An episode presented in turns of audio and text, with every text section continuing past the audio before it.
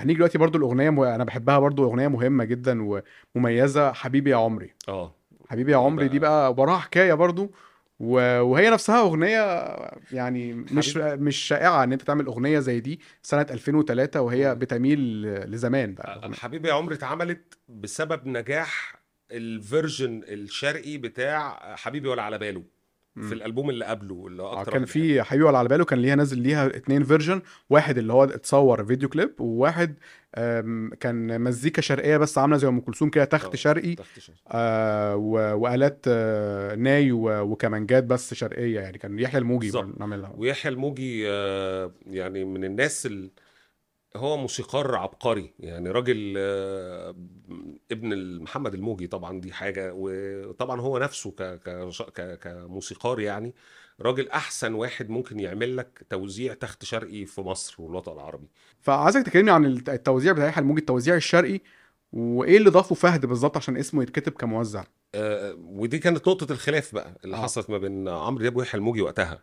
إنه إنه آه، يحيى طبعا جاب الفرقة المسية وفاروق محمد حسن على الأوكرتيون وأسامي عملاق كبيرة جدا وعمل ال- التوزيع. فاكر أنا يوميها يوم تسجيل الأغنية دي آه، محسن جابر عمل آه، زي ميديا داي كده جاب ثلاث أربع صحفيين مجلات مهمة آه، أخبار النجوم الاستاذ عبد الله محمد كان موجود هناك وحسن عبد الفتاح أفتكر أو مش عارف مين يعني اسمين ثلاثة من الأسامي اللي اللي محسن جابر بيثق فيهم يعني.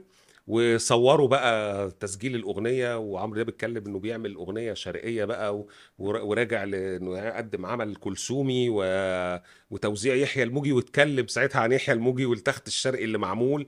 وكانوا بيتعاملوا مع الموضوع إن هم فعلا بيعملوا حدث. يعني محسن جابر برضه اتعامل مع الفكرة إنه أنا بعمل أغنية زي أغاني أم كلثوم وعبد الوهاب وحاجة طفرة جديدة. وفعليا ما كانش في مطرب عمل الشكل ده في في في, السنوات في دي السنوات آه. دي. يعني إنك تعمل زي ما بيقولوا كده ردة موسيقية اللي هو ترجع إن أنا هعمل بقى إيه مش الناس كلها شغالة إلكترونيك وسريع وبتاع وأشكال موسيقية لأ أنا هعمل آه، أوركسترا شرقي بتاعت أغاني زمان. حلو. طب ليه ليه حط اسم فهد على الأغنية؟ اللي حصل إنه إنه بعد ما عمرو خد ال- ال- ال- الغنوة بعد ما اتسجلت وكل حاجة هو حس إنه في حاجة ناقصة. يعني هو أو لازم يتحط بيت ودي كانت غريبة قوي إنه فهد دوره في الأغنية كان يحط بيت دين دين اللي هو البيت اللي بيلعب وم- اللي بيلعب الواحدة بس بيلعبوا وم- بأصوات وم- آه. آه بيلعبوا بأصوات كيك وسنير. آه قوية آه، أصوات لايقة مع الجو بتاع الألبوم كله.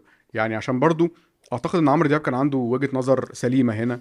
إن أنت في, في الآخر بتقدم مش أغنية أنت بتقدم ألبوم كامل ولازم يكون فيه حالة. بالظبط. فلازم الالبوم أنا بسمع أنا عايش بيت قوية أنا عايش ومش عايش علم قلبي beat قوية يا آه. كنزي.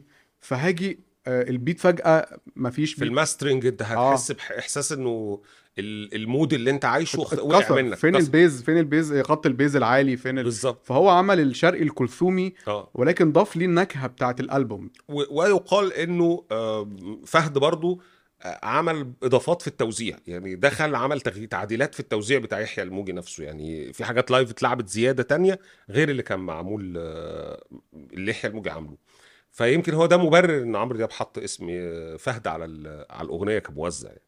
فدي رؤية يعني في حاجات بيبقى في تفاصيل إحنا برضو ما بتبقاش هل زعل منه. مثلا؟ هل زعل منه يحيى سمعت وقتها انه حصل زعل بس هم اشتغلوا مع بعض بعد كده. رجعوا لبعض آه بس ورجعوا لبعض ويحيى. الموجي عزف في فرقة عمرو دياب لفترات طويلة و...